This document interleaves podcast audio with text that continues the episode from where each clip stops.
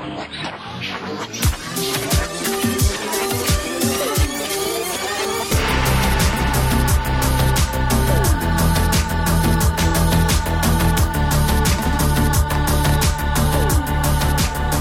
må bare begynne med å si altså, velkommen til Popstagi. Du har funnet veien til mitt lille popunivers. Her kommer jeg til å prate om masse ulik gøy popmusikk. Hylle utvidelser som kanskje ikke fikk det fokuset de fortjente, etter min mening. Og dra opp artister som jeg syns fortjener mer hyllest, rett og slett. Jeg kommer til å ha med meg ulike personer fra musikkverden, artisten selv, hvis jeg får tak i dem, eh, låtskrivere, produsenter og iblant superfans. Det kommer dere til å høre på underveis. Men eh, nok om det, egentlig. Altså, Nå har jeg nevnt Popstalgi, det er navnet, og jeg har med meg en artist i dag som er så veldig veldig spesiell for meg. Hun betyr mye. Eh, og det er mye fordi jeg vil egentlig si at jeg har investert penger i karrieren eh, til dagens gjest. Eh, det gir kanskje mer mening for dere hvis jeg røper at hun var med i Idol 2004. Da ringte jeg altså så sykt mye at jeg brukte alle pengene mine på å stemme. Hver fredag var det liksom en kamp å rekruttere folk til å stemme og gjøre alt de kunne. Eh, dagen hun gikk ut, det var en mørk kveld for meg. Jeg måtte gå og legge meg sånn under dyneske. Jeg ble veldig frustrert. eh, men hun kommer til fjerdeplass, og heldigvis for meg og alle andre så har hun gitt ut masse gøy etter det. Holdt på med så mye gøy musikk og TV og alt mulig rart. Så jeg har blitt skikkelig underholdt. Eh, alt fra sommerflørt til nyere Play My Drum, Night After Night. Og albumet vi kommer til å gå ordentlig inn i i dag, da Døgnvill, albumet jeg elsker. Eh, da skjønner vel kanskje de fleste at jeg snakker om selveste Sandra Lyng. Å, det for en introduksjon! Wow, jeg ble helt varm. Mm. Ja, så bra. Ja, men Det syns jeg du fortjener, for du har hatt så stor effekt på min barndom. Jeg syns det er så utrolig gøy å sitte her med deg i dag. Er det sant? Ja, absolutt. Alle mine venner vet dette her. Å, nå blir jeg helt rød. Vi begynner med det. Det er veldig koselig. Men uh, det er noe sånn veldig fint med deg og din musikk, og ja, du har alltid vært et sånn lys, vil jeg si. Så det er veldig hyggelig å sitte her og prate med deg. Å, takk. Jeg ble satt ut.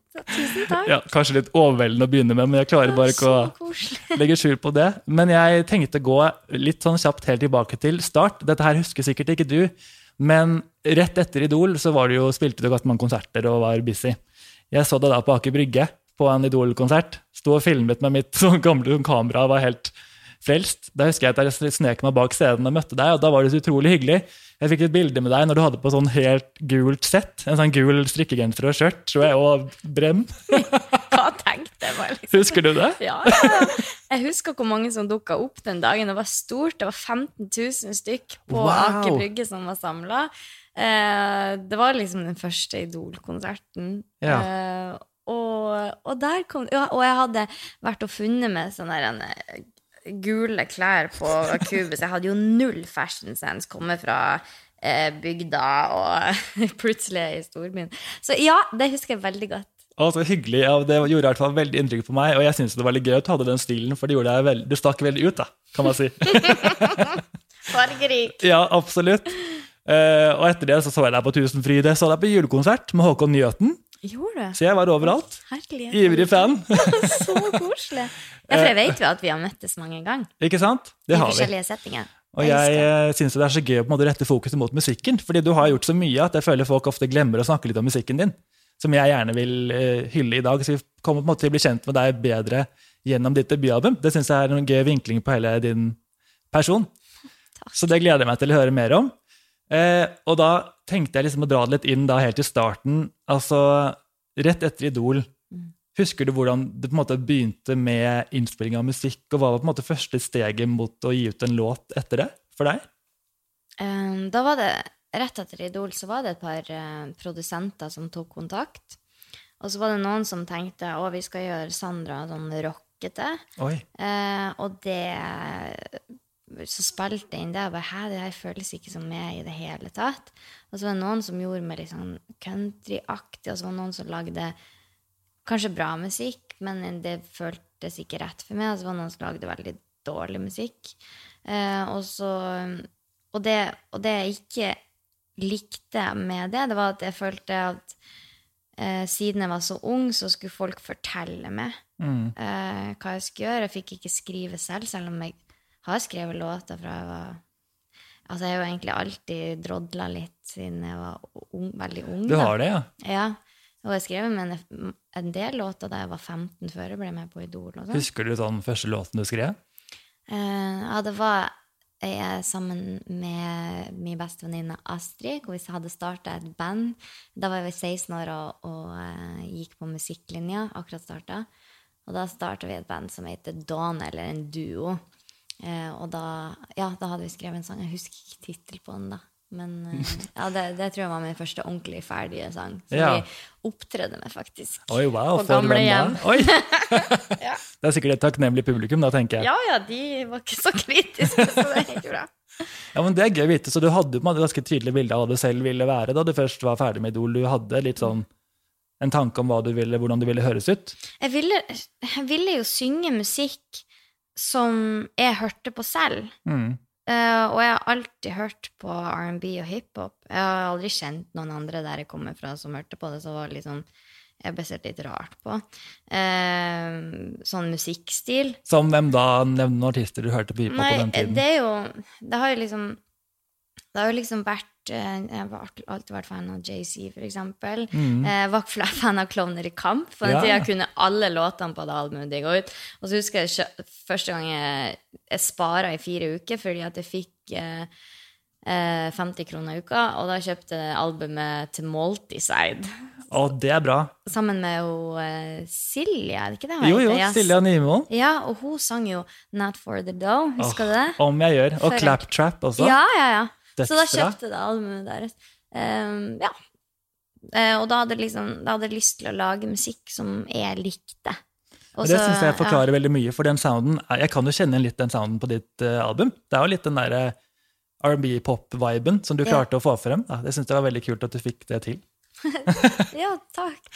Det som skjedde, var jo at um, jeg hadde fått masse låter og spilt i masse låter, men ingenting føltes rett, riktig for meg. Jeg hadde Nei. ikke lyst til å gi ut noe som bare, bare for å gjøre det. Ehm, og så var jeg opptatt med å spille alle konserter. Alle som spurte meg, uh, sa ja til alt. Om jeg tjente penger eller ikke. Det var ikke sånn, Om jeg måtte betale for reisen sjøl, var liksom ikke sånn. Jeg skulle bare, jeg skulle bare synge. Ja. Så jeg hadde jo mye å gjøre, så det var ikke sånn at jeg, var, satt hjemme og venta. Men plutselig, når jeg hadde konsert en gang, jeg tror det var på Holmlia, uh, for ei skole der, eh, så, eh, så møter jeg på en fyr som er manager for en eh, eh, veldig ung uh, hiphoper som er helt ny. De hadde kalt han Lille Filip. Var egentlig bare en fan av uh, Ekises Ja. og, um, og uh, Passit og den gjengen der. For Ekises var han som hadde barnslig, ikke sant? Eller? Ja, ja, det var de to. Ja, ja, Ja. L. Aksel og da Geir. Okay. Uh, det var, Geir var vel ikke eh, artistnavnet hans, men ja. Og så kommer manageren bort med en sånn demo til meg. 'Hei, vil du ikke høre, høre på den her?' liksom. Det hadde vært gøy hvis du ville være med. ja. Julian heter han. Eh, og så satt den, putta jeg CD-en i bil, for jeg satt der i bilen og venta mens vi skulle synge. Og så bare Ja! Det her er riktig! Så jeg ringte han med en gang. 'Hei, jeg blir med!' Og da hadde det bare gått ti minutter, eller hva det var. Oi, wow. For han hadde noen artister som også opptredde. Og han bare «Eh, 'Skal du ikke tenke på det og snakke?' Nei, jeg, jeg vil gjøre det. Og da var det ingen du måtte på en måte overtale for å la deg gjøre det. Du kunne si det helt selv. bare 'jeg vil gjøre dette'. Det var ikke noen som sa sånn 'nei, du skal gå en annen vei'. Og... Jeg hadde ingen voksne, jeg hadde ingen manager, jeg hadde ingenting. Så jeg, gjorde- Nei. eh, Så du sto helt fri selv Jeg har jo vært min egen voksen lenge, da. Ja. Oi, det er kult å tenke på. At du har klart å orientere deg på den måten. Eh, Så det, men det var sommerflørt, ikke sant? det var sommerflørt. Wow, for en start på din eh, hva skal jeg si, diskografi. på en måte. Det er ganske pangstart. Ja, det bare, det bare føltes riktig, og det var vel ei uke etter så fløy jeg ned til Oslo, for jeg bodde da i Mosjøen. Eh, og så går jeg inn i en sånn eh, Det var ganske Det var så kult, for det var så, kanskje annerledes enn det stu, en sånn andre studier hadde vært i. Ja. Det her var liksom undergrunn. Altså, det var Du gå Du gikk inn ei dør i en tunnel.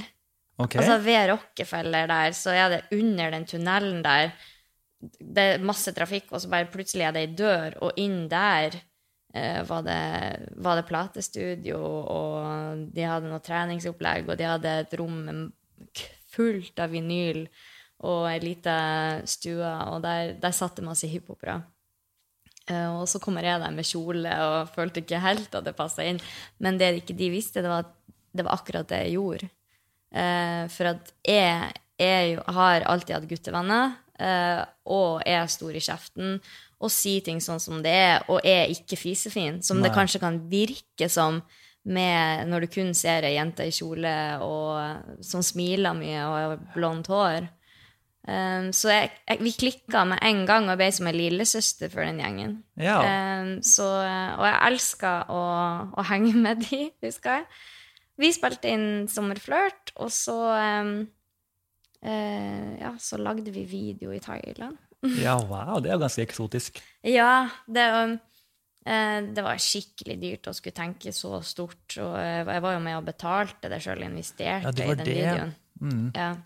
Men da lurer jeg på, for da var du på en måte inne i den klikken der, ikke sant? Du gjorde og samarbeidet bra med dem. Mm. Men hvordan kom da, hvordan begynte prosessen med Døgnvill? For da jobber du med litt andre folk? Ja, det som skjedde var at uh, Sommerflørt ble jo en hit. Ja, den lå på første i fem uker. Ja, og, Altså, og det hadde jo ikke en En, en, en hiphop-låt hadde jo ikke vært så høyt. En norsk hiphop-låt hadde ikke vært så høyt, og ikke så lenge på førsteplass og sånn. Så det var liksom det var, jeg visste jo ikke Jeg hadde jo ikke, noe, jeg hadde jo ikke gitt ut musikk før, Altså jeg visste liksom ikke hva jeg skulle sammenligne med. nei. Men jeg husker at jeg syntes det var utrolig Hadde det skjedd nå, så hadde jeg jo liksom feira hver eneste dag. Men da var det bare Å, det, oi, så kult. Men jeg, jeg fikk jo Det var jo ikke noe sånn Det er jo ikke sånn Å, da lever man glam. Jeg bodde jo hjemme i Mosjøen, og jeg jobba på en platebutikk Ja. samtidig. Og jeg jobba på Esso og i en bar. Eller eh, jeg serverte kaffe, da. ja, du gjorde det, altså det tok litt tid før du på en måte kjente resultatet av dette her. Jeg vet ikke, jeg følte meg jeg, egentlig, jeg følte meg ikke som en popartist, eller jeg turte liksom ikke kalle meg selv det, da. Nei. Men jeg hadde jo en hitsang på, både på radioen, og den var um, Videoen var den som var mest spilt det året på Swish. Å ja, der stemte jeg mye også. ja, ja. Selvfølgelig. ja, for da måtte han stemme på Og du hadde jo en sang på Stingstar, det er ganske kult. Ja, den var jo også på Stingstar, da. Det er umulig å rappe delen til Lille Philip, selv om jeg kan den utenat. Altså, treff tonen. Jeg klarer ikke å få poeng. jeg tror ikke noen klarer det. Nei, og det er veldig godt ja. å høre fra deg, for jeg er så frustrert. For din del nailer jeg, men rappen, det bare går ikke. Nei, men Jeg vet at den er vanskelig. Vet du hva? Eh, det er en som har hacka det, og det, og det hater han litt for. Det er eh, søskenbarnet mitt. For han bare gjorde sånn ah. Du må ikke ta te synge tekst. Det er kjedelig når folk gjør det. Det er på en måte juks. Det, det syns jeg var så juks. Ja. Så han vant over meg på min egen sang. Åh, uh, nederlag. Ja, det var skikkelig kjipt. Jeg Men- husker vi var på lanseringa for PlayStation og SingStar. Uh, med det greiene. Ingen visste jo hva, hva det var da, da, det ble lansert. Oh, ja. Og så ble jo SingStar så stort. Det var jo kult. Ja, alle hadde jo det også. Ja, det, også, det her var jo en, ja, det her var jo en jul, da. Du kom bort fra spørsmålet ditt hvordan jeg havna med andre samarbeidspartnere. Ja, det kan vi, ja. Hvordan havnet du liksom inn mot da Stargate, og du jobbet jo med Espen Lind på Abum. Det var veldig altså, stjernespekket team bak Døgnvill. Ja, det jo, jeg tror det var de ringte meg, for de så potensialet i det siden Sommerflørt gikk så bra. Ja. Uh, og syntes at det var kult at vi gjorde det på norsk. Mm. Uh, for de, jeg vet at de fleste tenkte man gjør engelsk musikk, for da kan man nå ut til verden. Men jeg tenker sånn oh, Nå ut til naboen, dritkult. ja, la oss begynne med det, i hvert Ja, fall. ja, helt enig. Um, og da husker jeg det var i romjula, og så fikk en telefon fra Tor Erik uh, i Stargate. Jeg lurte på om, kunne, om jeg hadde lyst til å komme i studio og, og prøve å spille inn noen låter. Det var en skikkelig drittdag, og jeg hadde sittet i, i bil med en, eh, med en fyr som jeg hadde krangla med og jeg må, fra Narvik til Mosjøen. Det var sånn mange, mange, mange timer, og så ringer han. Eh, og så spør om jeg vil komme i studio og eh, se om vi kan finne på noe sammen. Og jeg bare ja. De fløy meg til Trondheim, og jeg bodde på et fint hotell. Eh, og så kommer jeg dit, og så har de allerede da lagd to låter som de tenker kunne passa med. Ok. Eh, Og når jeg hører de som begynner å grine, for jeg bare Ja, det er det her jeg har venta på! Oi. Herregud, det føltes så riktig. bare, Jeg elsker beaten, og jeg elsker Ja! Er det noen sanger vi vet hvilke er i dag? Husk- ja, det var um, Alt jeg vil ha. Uh, og så var det Lykken er. Åh, oh, det er så bra. Jeg fikk helt frysninger. Og da når jeg hørte de uh, For jeg vet ikke om all teksten var jo ikke klar, og sånn, jeg tror jeg var med å utvikle den. Men det bare føltes så riktig, for det var sånn musikk som jeg digga sjæl. Ja. Åh, jeg ble så glad. Det var jo så fancy, det studioet der. Jeg husker at det kom folk fra pressen og tok bilder når jeg var utafor. For at Oi. jeg visste jo ikke at hvem Stargate Altså, jeg var bare 16 år, jeg hadde ikke peiling på hvem er de største produsentene i landet, eller Jeg bare skjønte at det var svært, for folk, pressen fra Oslo reiste til Trondheim for å prøve å ta paparazzi-bilder av at jeg var i studio med de. Oi, det må føltes veldig spesielt. Ja, det var kjemperart. Og så hadde de egen kokk i studio, og så var det sånne, det var sånne svære rom i, med veldig kult interiør, og jeg bare Hva er det som skjer her i lille med? Og ja. Ja, Det er gøy, så da klikket det ganske fort. da, Så ble dere enige om å bare begynne å jobbe sammen og bidra ut på et album. Var det målet fra starten av, liksom? Ehm, jeg tror at de også måtte sjekke ut om vi hadde en god, Uh, god kjemi, og hvordan det gikk å jobbe sammen. Og så uh, var jeg jo med og, og skrev de, de neste låtene, og vi klikka kjempebra. Ja. Uh, og da var det sånn Vi vil lage et helt album med det. Og det er jeg så glad for at dere gjorde. Ja, Og det, det tenker jeg er en perfekt intro til å gå inn i selve albumet. ja for de starta jo et eget plateselskap da, eh, Ja. også. For å, for å gi ut det albumet distribuert gjennom Universal, som er på nå. Ja, ikke sant? Så sirkelen går rundt. Og det er litt fint, da. Og apropos sirkelen går rundt, du er nå tilbake og synger på norsk igjen. Det er din siste Ja. singel. Ja. Føles det deilig, på en måte? Eh, ja, det føles litt som å, å komme hjem dit det, dit det starta. Men jeg følte at nå hadde jeg lyst til å gjøre det, det på min egen dialekt og bli det enda, eh, enda nærmere. Altså synge som jeg prater. Ja. Mm. Det skjønner jeg godt, for hele albumet er jo på bokmål. Ja. ikke sant? Ja.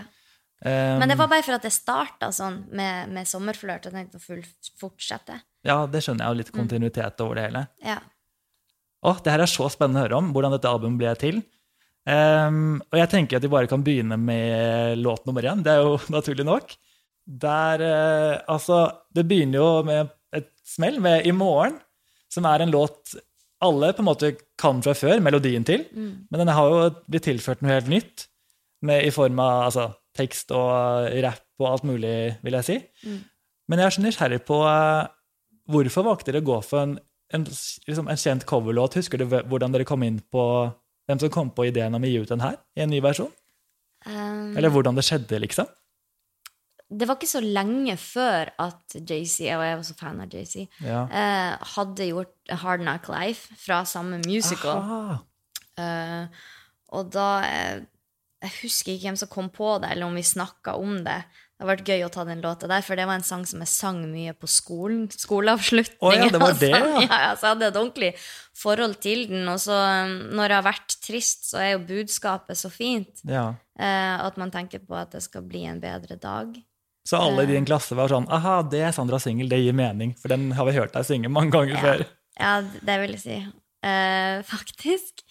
og, og da var det sånn Vi må ha med rapp på den låta her. Ja. Eh, ja. Og så, og så var det noen fine fyrer. Var de i den gruppen du møtte da du spilte inn Sommerflørt og sånn? Whimsical og Clean? Nei, nei, nei. Eh, det var jo litt sånn at, eh, at det var Du hadde klikka i hiphopen. Ja. Du hadde T-Productions, og så hadde du um, Og så hadde du Pass It. Uh, men hiphop-krigen og sånn, det kan du ta med noen andre. Ja. Men det er veldig kule, kule historier derfra. Ja. Uh, og så var det noen som ikke var i den klikken, da. Mm. Mm, ok. Ja. Men det, dette her har jeg spurt om før, fordi den her har en veldig kul musikkvideo. Eh, men den ender jo i en sånn skikkelig tease hvor man ser et klipp av en annen veldig kul video, som er nemlig låt nummer to. Alt jeg vil ha. Jeg antar at det var planen at det skulle bli en singel nummer to? Eller hva, hva skjedde egentlig der? Uh, åh, Det er ganske vondt, for at det var noen jeg jobba med da, som jeg ikke vil eh, si navnet på, for at da henger jo jeg egentlig litt ut, Ja, det er helt greit. Ehm, som sa at jeg var for tjukk til å lage Å flere nei, musikkvideoer. mener du det? Mm. Og så trist å høre. Ja, det var kjempevanskelig for meg, for da sleit jeg veldig med bulimi, eh, og det var jo derfor at jeg kanskje hadde lagt på meg. Og du var jo, da var du også bare var du ikke 17 år? 17 år. Tenk å få den beskjeden. Jeg kan ikke engang se for meg hvor vondt det vil være. Ja, det var helt forferdelig. Så da ble den satt på hold, liksom? Av den grunn? At det ikke Ja, det ble ikke noe av. Så trist at det skulle stoppe et så gøy prosjekt. Ja. Så det fins ikke Det gjorde til at jeg hata meg selv mer, eh, og jeg sleit jo veldig med selvtillit på den tida. Det er så fint at du har åpnet opp deg så mye om alle de tingene her i, eldre, i voksen alder, liksom. For du har delt så Ja. mye om disse tingene. Det er veldig fint at du tør å snakke om det. Det, jeg syns det er kjempeskummelt å snakke om. Det er ikke sånn at jeg bare gjør det lett. Men sammen når jeg har lagd podkast, og når jeg har gjort alle de greiene som jeg har gjort, hvor jeg har utlevert sjela mi, føler jeg, um, så er det fordi at jeg skulle ønske at noen sa det da jeg sleit. Eh, og um, spiseforstyrrelser og sånne ting var ikke snakk om. Jeg hadde ingen forbilder, jeg hadde aldri hørt om hva bulimi var for noe. Nei. Uh, ja, så da valgte jeg å si det høyt, fordi at ingen hadde gjort det, og jeg, jeg ville jeg ville, Målet var liksom at de som eh, De som sleit, som hørte på, skulle bare vite at vi er flere. Det er så fint. Så takk for at du deler på vegne av eh, alle sammen. Det vet jeg at har betydd så mye for mange. Ja, eller Jeg har i hvert fall fått mange tilbakemeldinger av Jeg gjør fortsatt det. Ja. Um, senest i forrige år var det ei på Instagram som spurte om hva kan jeg gjøre, og hvem kan jeg ta kontakt med uh, ennå. Det er elleve år siden jeg delte det. ja. Det sier litt om effekten. Men, eh, jeg 13. ja, ja. tida går fort. Men jeg vil i hvert fall si at den låten er utrolig catchy, for å gå tilbake til musikken, Ja. liksom. Og den hadde gjort seg veldig bra som en andre singel. Det tror jeg absolutt. Tror ikke du også? eller? Nei, jeg digga jo den sangen der. Ja, den er veldig Den kul. var, jeg følte den var litt sånn Alia når jeg hørte den. Ja, ikke sant? Og jeg elska jo den. Mm. Åh, så kul. Den sangen er sånn godteri for mine ører. Og jeg syns den er kjempe Jeg er skikkelig stolt av, av det albumet. Det skjønner jeg veldig godt. Um, uh, det her er jo også produsert av Stargate og Rumblin, Mm. stemmer det? Mm. Eh, var, dere, var de på en måte i sånn samme kollektiv, på en måte, eller var det litt sånn, husker du hvordan det skjedde?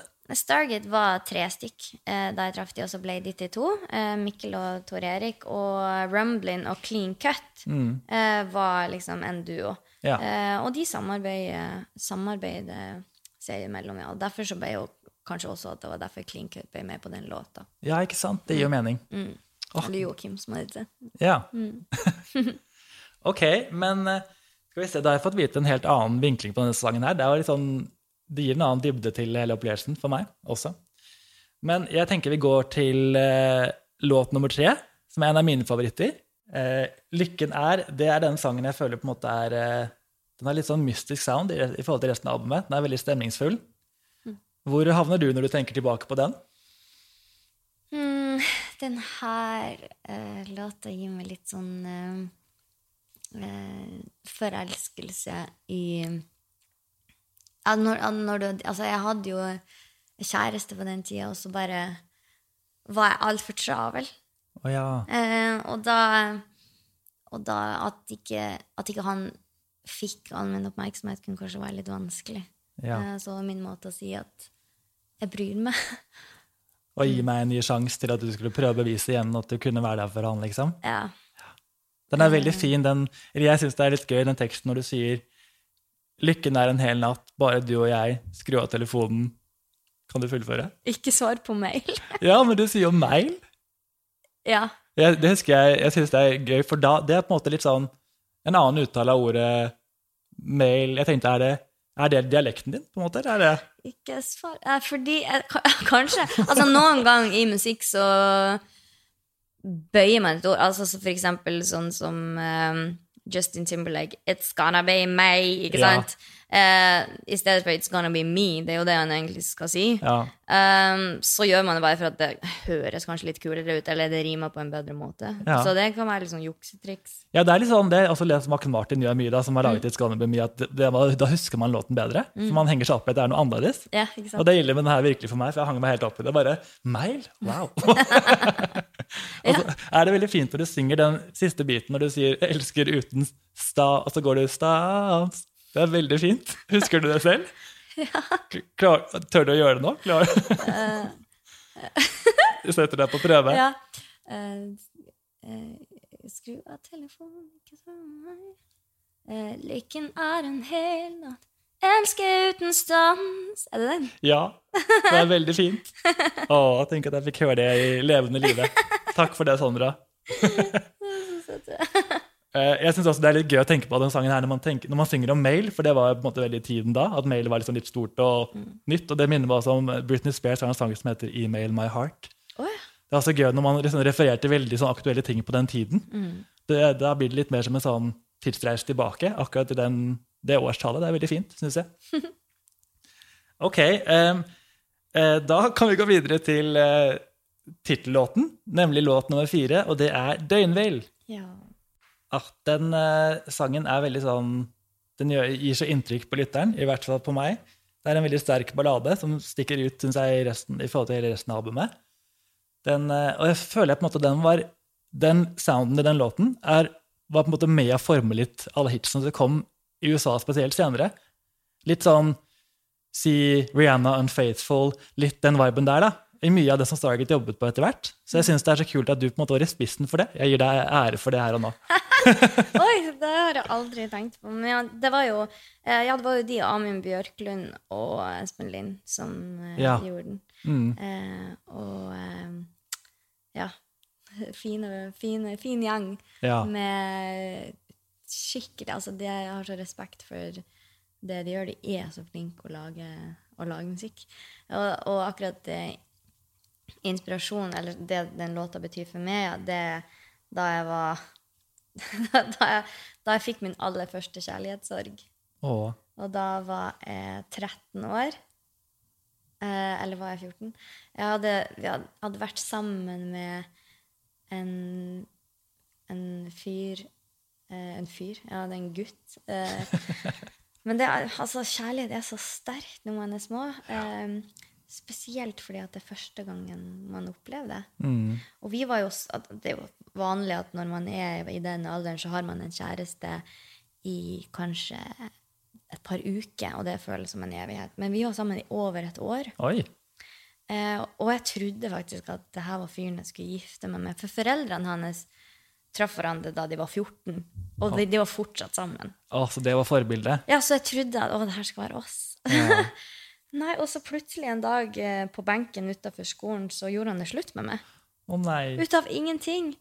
Og det tok meg så lang tid å komme over. Jeg tror jeg gråt hver kveld i sikkert et år. Hver Åh. natt var, var så fæl. eh, og da opplevde jeg skikkelig kjærlighetssorg. Og det er inspirasjonen til Døgnvill? Ja. Åh, det gjør den jo enda finere når man vet det. Em, ok, vi kan gå til låt nummer fem. En skikkelig banger av en låt. Det er en ganske sånn hard låt. Den føles nesten litt sint. ja. Var det noe du på en måte måtte finne i deg selv når du spilte den sånn? Var det noe spesifikt du brukte da? Ja. Det var en hestkuk som bare lekte med følelsene mine. Oi, unnskyld, jeg bare ler av ordet, men Ja. ja. Ja. Um, som lata som han var interessert for å få et eller annet ut av meg, samtidig som han hadde andre uh, jenter på si og sånn. Og når jeg fant ut av det, så ble jeg skikkelig forbanna. For jeg kan se søt og hyggelig ut, men det vil ikke gjøre meg forbanna, liksom. Nei. Eh, men jeg sa jo Jeg, jeg var altfor usikker da til å skikkelig gi beskjed om det. Han var mye eldre enn meg også. Okay. Noe som bare ikke er greit når jeg er så ung. 17 år. Æsj. Eh, så um, jeg skrev den låta til han. Ja. Mm. Vet han det, tror du? Nei, men jeg håper han får vite Eller jeg, jeg skal si det en dag. Ja. Det var det litt gøy for han å høre. Bare kanskje reflektere litt mer over det som skjedde. Ja, altså, jeg, jeg, Jeg har tatt min hevn, for å si det sånn. Jeg ringte dama han holdt på med, og fortalte at hei, bare sånn at du vet det, så skal du høre. Bla, bla, bla, bla. bla. Wow. Ja. Applaus, Eh, for at jeg ville ikke hun skulle oppleve det samme som er å eh, Eller ja, det var bare fair uh, at ikke det skulle komme som et sjokk. Eller det gjorde vel sikkert det. Men uh, jeg ville ikke han skulle lure henne også. Nei. Det var jo sterkt gjort. Altså, det er jente til jente. Ja. Det er girl code. Men uh, altså, den går jo ingenting er som å være føle seg fri, ingenting er som å ha noe å si, ingenting er som å være happy. Ja. Ja, det var òg en litt sånn fin twist på det. Ikke sant? Gøy hvordan de engelske ordene dukker opp inni der. Er det noe du ville lagt til i dag? Sånn, ingenting er som å være Er det noe du tenker sånn et annet viktig ord som kunne passet inn der også? Eller tatt bort en av de, eller? Liksom, ingenting er som å Nei, altså, happy er jo liksom Ingenting er som å være lykkelig. Det kunne jeg sagt. Ja, ikke sant? Um, men det er også det du snakka om i stad, å bruke et eller annet som Hæ, hva, det, hva skjedde der? Mm. Um, Man henger seg veldig opp i det. da, altså for 15 Ja, når er det 16 år siden det kom ut? Ja, 2005? Ja, Ja. 15 år. 15 år siden. Da var det kanskje ikke like vanlig å ha engelsk eh, sleng i det norske språket som det er nå. Nei, det var det helt sikkert ikke. Så det var, jeg husker det var litt rart. Men jeg, jeg likte det. Ja, ja jeg også, åpenbart. Eh, en ting jeg må si om den låten, er at jeg er sikker på at da jeg var rundt da da albumet kom ut, så så jeg på VH1 eller MTV eller et eller annet sånt, så så jeg en amerikansk musikkvideo med helt samme instrumental. Ja. Vet du det? ja. For jeg har ikke klart å finne den igjen, så jeg har gjort så mye research at jeg er bare blitt helt gal. Jeg klarer ikke å finne hvilken sang det er. Vet. Det er Jeannie Ortega og Papoose uh, med låta 'Crowded'. Herregud, nå letter du eh, hodet mitt så mye, Sandra. Så eh, ja, så Stargate tok eh, Kanskje de var for syntes den var kul, da. Og så tok de beaten og lagde en engelsk versjon av den også. ok. Sammen Ah, med de. jeg begynte nesten å tro at jeg bare hadde funnet det på. Det var veldig deilig å få en bekreftelse. Nei, jeg fikk sjokk når jeg hørte det på radioen. Jeg trodde det var låta mi. Og Så så bare, klart. Hæ, kult! Nei, jeg var på et middagsselskap. Hæ? Det er noen som synger engelsk? Hva, hva skjer? Jeg skjønte ikke det. Ja, Det skjønner jeg veldig godt. Det må være en rar følelse bare føle at den blir sånn, tatt en helt annen setting bort fra ditt, Mm. det du tilførte den. da. Mm. Men det var jo de som hadde lagd Beatle. Ja, liksom. Så de hadde lov til å gjøre det. Mm, ja. Ja. Ok, eh, da går vi videre til spørs eh, spørsmål. Til låt eh, nummer seks. Kan du føle det? ja. Denne sangen blir man jo veldig glad av, syns jeg. Den er sånn litt sånn Ja, en eh, lykkepille av en sang. Eh, hva, hva følte du da den låten ble laget? Altså, er det sånn du ville at folk kan, Hva er historien bak låten, er det egentlig jeg spør om? Eh, det, var en, det handler om en eh, Det var egentlig en eh, Litt sånn inspirert av en sommerflørt, ja. faktisk. Hvor ja, men sant, sant, Jeg var jo i det forholdet som jeg snakka om. Jeg hadde jo en kjæreste. Ja, Så det er det som går igjen i mye av disse her sangene? Ja, og da var det liksom en fin sommerdag med oss sammen, da. Ja. Hvor vi kunne ligge på gresset utenfor huset til foreldrene mine. Altså, det var liksom det Så, eh, Så det var det jo Rumblin som du snakka om, og Klinkett som lagde sammen med meg. da. Den har litt sånn Island-vibe, føler jeg. Litt sånn Ja. der, kanskje litt sånn Sean Kingston-aktig. Ja, sant? Sånn sommerlig og koselig. Eh, og et, et spørsmål. Da, du synger jo jeg, 'La meg være din kjæreste', eller 'Jeg vil være din kjæreste'. Mm. Ble dere kjærester? Ja, det var kanskje litt eh, For jeg husker sant? Jeg, jeg, eh, jeg har jo egentlig alltid hatt litt sånn lange forhold. Jeg har vært i forhold. Ja. Eh, Jeg liksom jeg er kjærestejente. Og det var, det var jo mye usikkerhet i det forholdet der siden jeg reiste hele tida, var borte hele tida. Eh, fikk jo beskjed av management og sånn, så jeg fikk med senere at jeg ikke fikk lov å si at jeg hadde kjæreste. Du gjorde det, ja. Ja, Og det syns jo han var veldig tøft. Og det skjønner jeg jo nå. Ja. Jeg hadde 18-årsdag med Se og Hør, det var svær feiring. Og jeg fikk ikke lov å invitere han siden det var Se og Hør sin. Og det Eh, må være litt vondt, det forstår jeg. For at jeg fikk beskjed om at da var ikke jeg like aktuell hvis gutta visste at jeg hadde kjæreste. Og nå som voksen dame så blir det sånn Hæ? Hvorfor gadd jeg å høre på det? Men jeg, jeg, jeg bare gjorde det og tenkte at Og stolte på da, at det de voksne for, Fordi det er jo de voksne. Jeg var et barn. Ja. Så jeg må si de voksne eh, sa som kunne musikkbransjen Det måtte jeg gjøre for å få lov til å synge. Ja. Uh, og det syns jeg var vanskelig. Derfor så bekrefta jeg det i en låt. Jeg vil bare være kjæresten din. Åh. Ja, det var jo et fint uh, plaster på såret, i hvert fall, vil jeg tro. Kanskje. uh, ok. Eh, vi skal over til låt nummer syv, som er en veldig personlig låt, vil jeg, vil jeg tro. Eh, det er jo 'Skilles'. ja. Det er en låt man blir ganske sånn fanget av teksten på, for den føles så nær og personlig. Eh, jeg syns det er så fascinerende at du turte og klarte å skrive en sånn låt da du var så ung i tillegg. Det må ha vært, eh, var du redd for å åpne opp så mye da? Mm, det var kanskje vel Jeg har alltid brukt musikk som terapi. Eh, og det høres kanskje litt klisjé ut, men det er sant. Eh, og det er jo ikke noe hemmelighet siden foreldrene ikke er i lag lenger, og at de ble skilt, uh, så var det jo krangling.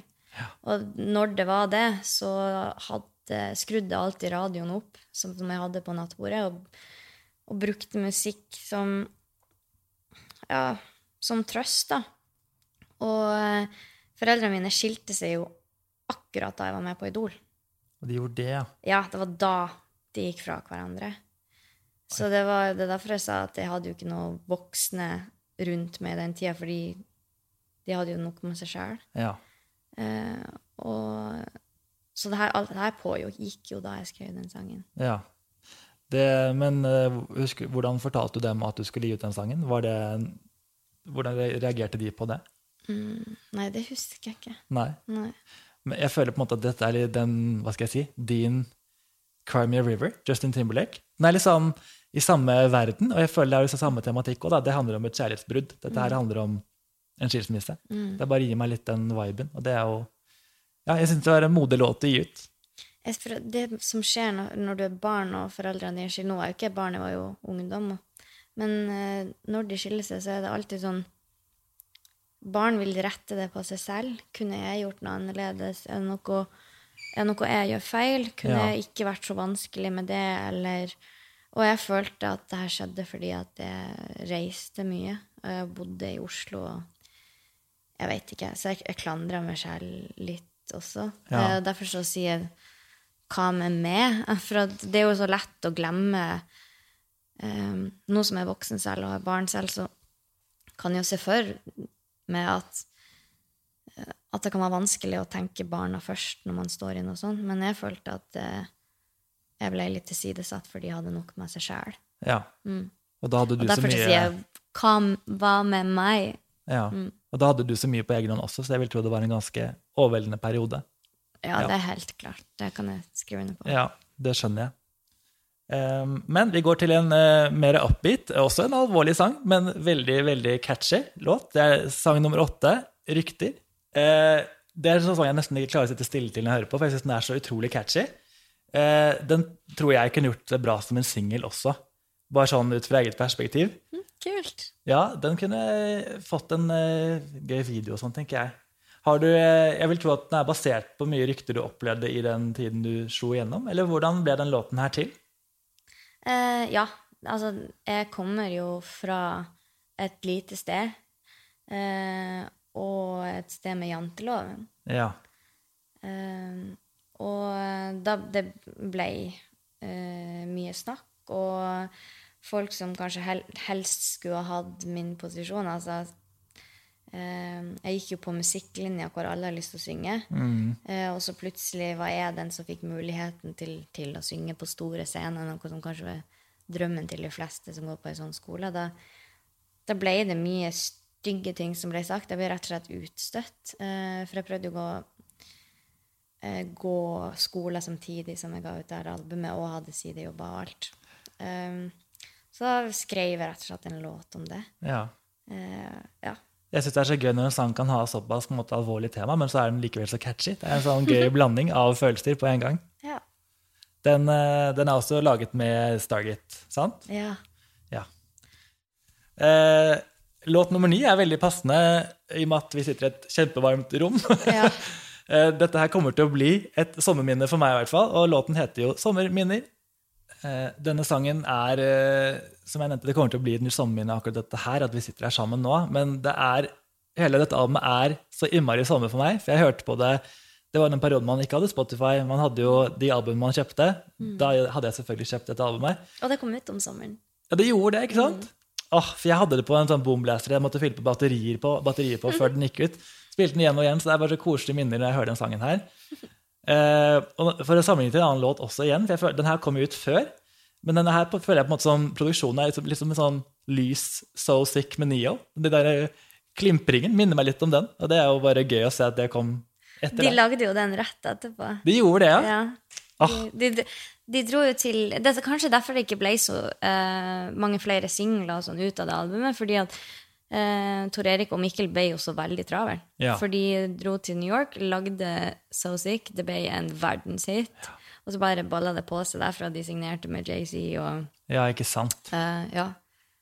Ja, men det er gøy. Da har jo eh, Så den ble jo skrevet bare noen måneder etter den sangen. Kult, da koblet jeg det riktig. Det er jo deilig å vite. Lærer du ikke helt eh, off, i hvert fall. Eh, to sanger igjen på albumet. Vi går til eh, nest siste låt. Det er 'Savner deg'. Ja. Hvis jeg husker riktig, så var dette en bonussang på I morgen-singelen. Kan det stemme? Ja, det Ja. stemmer. For det Jeg tuller ikke når jeg sier at jeg kan min Sandra. Ja, det husker ikke jeg engang. Herregud. For jeg prøvde å søke det opp, jeg fant det ikke, men du er, det er ingen bedre kilde enn deg. Nei, Tenkte jeg. kanskje ikke. Eh, den er jo veldig, også veldig stemningsfull. Eh, jeg har laget en liten tekstquiz. Bare lurte på om du kan fullføre linjen at tiden vår vil renne ut. Var ikke særlig kul. Ja! Veldig bra. Jeg syns det var en Var ikke særlig kul. Noe jeg aldri kunne sagt noe, men som 17 så kunne jeg sagt det. Ja, og Det viser liksom hvor ung du var. da. Jeg syns Ja. det er gøy. For Ja, det, det var jo det. sikkert jeg også kjente meg igjen i selv. At det er sånn språk jeg brukte, jeg også. Så den der låta hadde jo Det er jo bare en eh, Det er jo bare kapittel to på Sommerflørt, på en måte, hvis det skulle være en bok. Å ja, det er det, Så vi hadde vurdert å kalle den Sommerflørt 2, fordi den utspiller historien Hva skjedde når han ringte, Uh, og når han eh, Når han sa han savna meg, og når han skrev et brev, sånn som Philip rapper om i teksten Oi, i wow. Sommerflørt. Dette har jeg aldri koblet selv. Nå fikk jeg seriøst gåsehud. Det var veldig spennende. Ja, så gøy. Uh, vi, albumet rundes jo av med en veldig mørk eh, avslutningslåt. Eller sånn ganske dramatisk. Eh, den heter 'Vuggesang'. Så ser jeg at det ble mye følelser i, i eh, bildet her, og det forstår jeg veldig godt, for det er en veldig, Ja. veldig rørende låt. Vil, orker du å fortelle hva den handler om, eller blir det for Nei, det er jo bare noe som er mamma. Den handler jo om uh, Det handler om et søsken som mista lillebroren sin. Som er et ba baby. Å, Eller, vet, eller kanskje en toddler, jeg vet ikke. Um, og det er så vondt uh, å tenke på noe som er mamma selv. ja. Um, det er jo en ekte historie, men ikke, ikke selvopplevd. Den det var en venn av meg som det skjedde med. Ok. Og den, den, vek, den vekker så, så følelser i meg, for det må være det verste som noen gang kan skje noen. Det må være å miste et barn. Og, og det om du mister barnet når det er i magen, eller når det kommer ut det må, det må være så jævlig. Så, og, og, og alt vi som mødre gjør, er jo å gå rundt og bekymre oss. Eh, Nei, ikke gjør det. Tenk om du blir skada. Altså, eh, og, og den sangen er liksom åh, Nei, den bare Det er vanskelig. Jeg føler at er, Den er også på en måte ganske sånn rå. Det er ikke så mye rundt Det er en ganske minimalistisk produksjon. Og din stemme og tekst kommer veldig tydelig frem, så man får den følelsen veldig sånn som et støkk i seg. Jeg husker Da jeg hørte gjennom albumet selv, så ble jeg litt sånn eh, overrasket av den sangen. For den eh, Jeg så jo ikke den helt komme. Men det er en veldig altså, mektig avslutning. Og det er jo et så tungt budskap da, som man eh, kanskje ikke helt forventet i et eh, popalbum fra en 17 år gammel jente, liksom. Nei, det, men det er det jeg prøver å si, at jeg har jo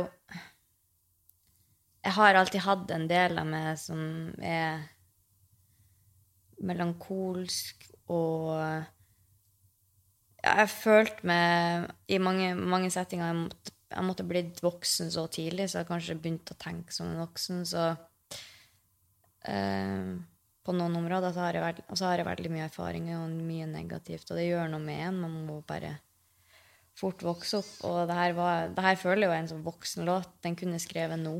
Ja, Um, og jeg tror det er derfor den treffer meg òg. det skjønner jeg veldig godt. Men eh, la oss ikke dvele for mye ved den. Det blir jo litt sånn trist tema. Ja, vi trenger ikke gjøre det. Sorry. Nei, det er bare fint, Sandra. Men eh, noe jeg glemte å skyte inn i sted, er at eh, dette albumet kom jo på streaming for ikke så altfor lenge siden. Ja, Et år eller to, tror jeg.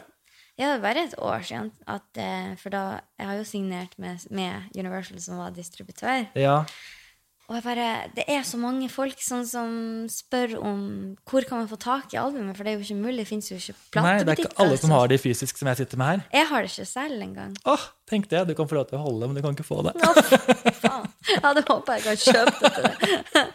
Nei, jeg har det jo ikke selv engang. Um, og ja, så var de så kule at de, de fiksa det. De fikk det ut. Jeg ble så glad, men den dagen det, eller i hvert fall veldig tett oppi da det kom ut, så gikk jeg inn og hørte på det med en gang, for da hadde jeg ikke hatt min fysiske CD med meg på en god stund. Og da innså jeg at det var en feil rekkefølge på to av låtene. Mm. Så jeg sendte inn en mail til Spotify og klaget på det med en gang, og det ble jo endret veldig kjapt. Gjorde det? ja, det gjorde det. Jeg tror det var mye av meg. Jeg vet ikke om andre gjorde det òg, men jeg velger å ta æren for det. Nei, så artig.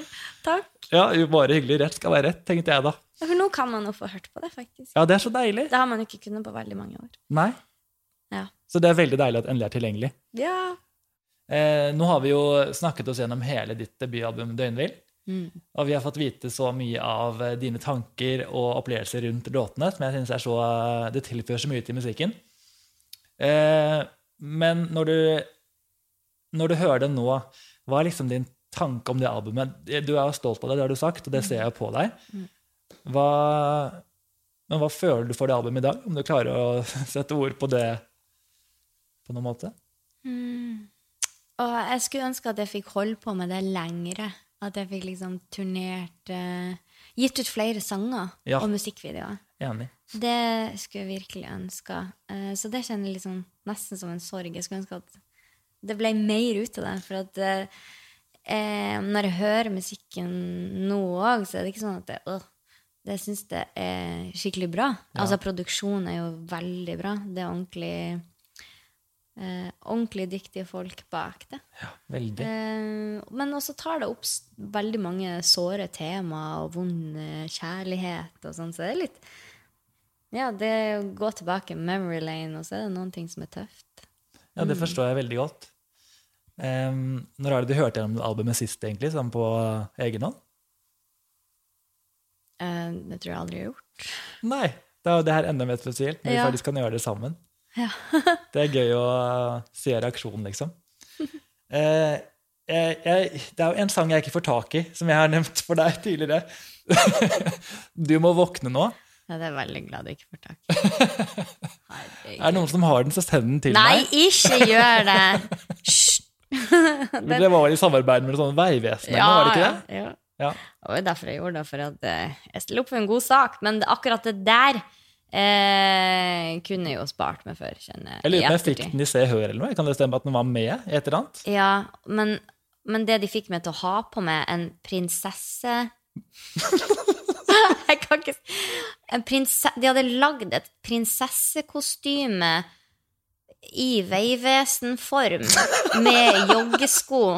Hva? Og jeg tok et sånn splitt-topp som de brukte som cover. Altså, det, det er faktisk noe av det flaueste jeg har gjort. Herregud, det har jeg helt glemt selv. Det er veldig, veldig komisk. Og tyllskjørt og Vegvesen uh, silketopp. Nei, det var bare en sånn krise! Ah, hva gjorde jeg? Ja, hvorfor? Liksom. Herregud, ja. Tanker det strømmer i en Ja, altså, uten stopp. Jeg ble jo solgt inn eh, på at eh, ja, vi skal redde folk fra å dø, fra at de skal sovne i trafikken. Ja, Ja, Så det var et fint budskap, så jeg Det skjønner at du du ikke ville si nei til det. Nei, så derfor så sa jeg jo ja, men Og det er ikke noe feil med sangen, uh, men uh, ja, Hele innpakningen ble Ja, litt det feil. ble, det syns jeg ble Det er litt flau over, faktisk. Det var litt gøy å høre. Eh, Men la oss ta et stort hopp frem i tid, for nå har vi fokusert veldig på begynnelsen. Du har hatt mange låter sånn spredt utover siden det. Ja. Eh, En av de største er vel Play My Drum. Mm. Det er vel, den var jo en sånn den, den nådde utenfor Norge og ble en stor hit mange steder. Ja. Sant? Det er ikke så rart. Har du, har du spilt liksom, store konserter i andre land med den låten der? Har du gjort noen sånne store, morsomme gigs der? Jeg har vært i Frankrike og spilt, og i eh, Warszawa i Polen. Ja. Mm. Var det veldig annerledes enn å spille i Norge? Eh, det var jo eh, I Frankrike så var det vel liksom klubbturné. Å, Så det er veldig spesielt, for vi hadde konsert klokka tre på natta. Oi. Og det var jeg og saksofonisten og DJ-en min, da. Um, og, og folk var jo med og sånn, men, men i, i Norge, så når jeg har konserter, så er det liksom Da, da kjenner de til meg og er med på flere låter. Og eh, jeg føler liksom vi har et slags forhold. Ja. Mens eh, der var det ingen som hadde forhold til meg som artist. De visste ikke hvem som hadde låta engang. De har sikkert bare hørt den på radioen. ja, så det begynner helt fra scratch, på en måte. Eh, Så, så det, sånn sett var det annerledes. Men det var veldig kult å reise til utlandet og, og ha konserter. Det har jo alltid vært drømmen. Liksom. Det skjønner jeg godt. Eh, og det var jo liksom Det var den, og så kom Night After Night, Moonrise. De tre føler jeg henger litt sammen. Ja, de kom litt på løpende bånd, ja. Ja, ikke sant? Liksom samme type Ja, mye Litt, litt samme type bygd opp låt, da. Ja, litt sånn summer, summer bangers, vil jeg si. eh, hvilken av de altså Når du ser tilbake på alt du har gjort av gamle og nye låter, er det én låt du tenker sånn Den er jeg så sykt stolt av. Klarer du å velge en? En, en som jeg er veldig stolt av. Um, vet du hva, Det tror jeg faktisk må være den siste låta jeg ga ut solo, og det var i mars. Eh, og det var fordi at Og den heter Ja, det vet du kanskje. Det blir bra igjen. Ikke sant? Ja. Uh, grunnen til at jeg er litt stolt av den, eh, er fordi at jeg turte å strippe alt. Um, fordi um, det er nesten litt lettere å lage Sånn som når jeg har gjort Play My Drum After Night, det er akkurat som jeg har satt opp et alter ego. Når jeg går på scenen, så har jeg på meg et et tøft outfit. Og um, når jeg lager musikkvideo, så går jeg i bikini. Liksom. Det er jo ikke Egentlig så er jo ikke det Sandra, sånn sett. Det er liksom Det er artist Eller det er en eller annen alter ego jeg har lagd med. En, Ja. eh, en figur. eh, så en rolle jeg går inn i. Mens Det blir bra igjen var utrolig sårbart, for det jeg følte var en ekte Sandra. eh, som bare Det er akkurat som å ha en samtale med noen, hvor du snakker med dem og sier at Og det er litt til meg selv òg, som har hatt noen depresjoner, til at husk at det går over, og at det blir fint. Og så er det ikke noe greier å gjemme seg bak. Det er ikke noe autotune eller eh, store produksjoner eller masse greier som skjer. Det er kun gitar. Det er fint at du havnet på den låten, i at som jeg sa, det er en slags full circle moment. At du er tilbake på norsk, synger på din dialekt. Og er liksom 100% Sandra. Det må føles så bra etter at du har hatt så lang reise. for å på en måte, Du har åpenbart visst hvem du skal være hele veien, men det har vært mange ulike stopp og Ja. mange ulike nivåer, liksom. Så Ja. det er hyggelig å høre at du er såpass eh, komfortabel og fornøyd med det du gjør nå. Ja, og den har jo ikke like mange streams som eh, Play My Drum, for eksempel. Nei. Eh, fordi det, det blir en helt annen type låt. Eh, og, og jeg har vært litt sånn jeg har vært litt sånn redd for at jeg skulle miste publikummet som jeg hadde på musikken, når jeg gjør noe helt annet. Men, eh, men akkurat nå så føler jeg jeg må bare gjøre det som, som er, er med. Ja, det høres veldig bra ut. Og jeg, og jeg kan jo også være eh, glitterstas og eh, EDM-inspirert pop. Men eh, akkurat der jeg er nå i livet, så føles det blir bra igjen rett for meg.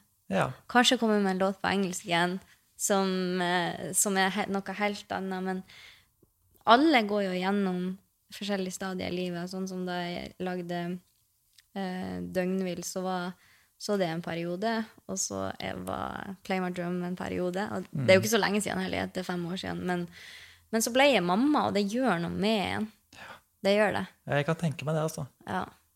Ja, det er fint å høre. Og da kommer det bli bra igjen. Som jeg håper kan være en sang som noen kan høre på når de trenger å få et lite påminnelse om det faktisk går over.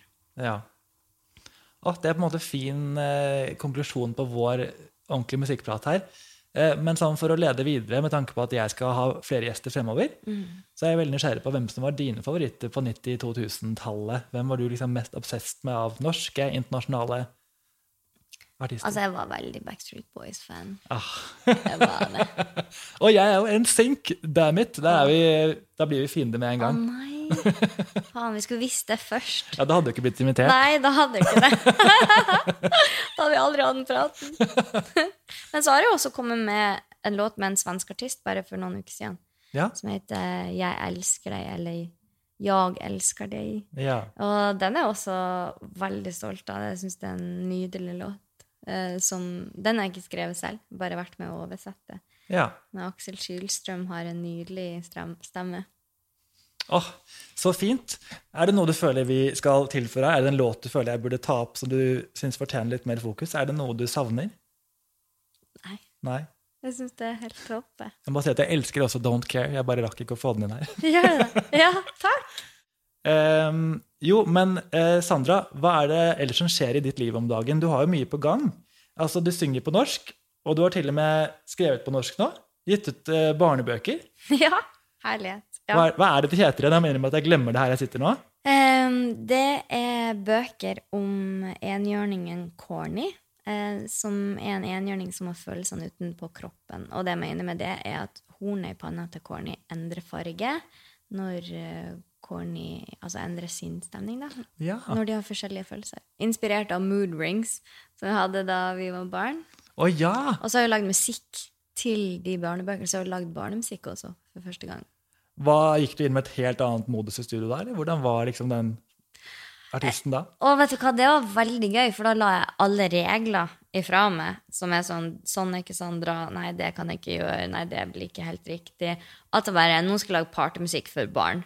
Og så eh, Å lage popmusikk på den måten er, kanskje, er jo noe jeg har gjort veldig mange ganger. Eh, Så, så det gikk veldig kjapt. Det var veldig artig. Og du kan jo ikke noe annet enn å bli godt humør av boom, boom, boom. Liksom. Så ja, det var, kjempe, det var kjempeartig. Og så en sovesang som jeg har eh, testa ut på sønnen min Sander, som er den sangen som han sovna fortest av. Å, så Den, nå, nå er det den han vil høre. Det er fint da. Det er sikkert betryggende å høre en stemme han kjenner seg godt til også. Ja, kanskje det. vil jeg tro. Eh, men ikke nok med det. Du har jo enda mer på agendaen fremover. Ja, det kommer jo også to til bøker i år, og flere barnesanger, og en egen låt. Ja, ikke sant? Det er ikke rart jeg mister oversikten. Nei, kanskje julemusikk også, det får vi se. Herregud, det er jo ikke Det stopper jo ikke. Nei, jeg ga jo ut en julesang i fjor. Ja, Julefantasi. Ja, Ja. Fikk Ja. meg den. Den, ja, den når du spurte er det noen flere låter, ja, den, den er jeg veldig glad i. Ja. Julemusikk er jo som regel bare hurra, hurra og alt er bra og glade jul og sånn. Og så derfor så vil jeg lage uh, motvekter til det. Uh, Ja. Fordi at det er faktisk ikke alle barn som har det bra i jula. Og, det kan, og de som ikke har det bra, blir som regel forsterka i høytida. Så jeg ville lage en sang om det. Ja, det er jo et fint budskap. Litt variasjon til de andre julesangene, som du sier. Ja. Men jeg må bare si tusen tusen takk for at du ville være med på dette, her, Sandra. Det var utrolig gøy å bli bedre kjent med deg og musikken din. Jeg vet jo, det var en ære for meg. Tusen takk for at du ville ha meg her og snakke om, om det. Det, det, var, det var stort for meg. Takk. Åh, ja, meg også. Jeg blir helt eh, rørt, så eh, takk igjen. Uh. Dette her var altså Popstalgi med Sandra Lyng. Du kan gå inn og høre all musikken hennes på alle mulige streamingtjenester. Jeg anbefaler deg å gjøre det. Eh, Og følg med videre, for det kommer flere morsomme episoder med alle mulige personer fra popverdenen, så det er bare å glede seg. Dette er Popstalgi med Erik.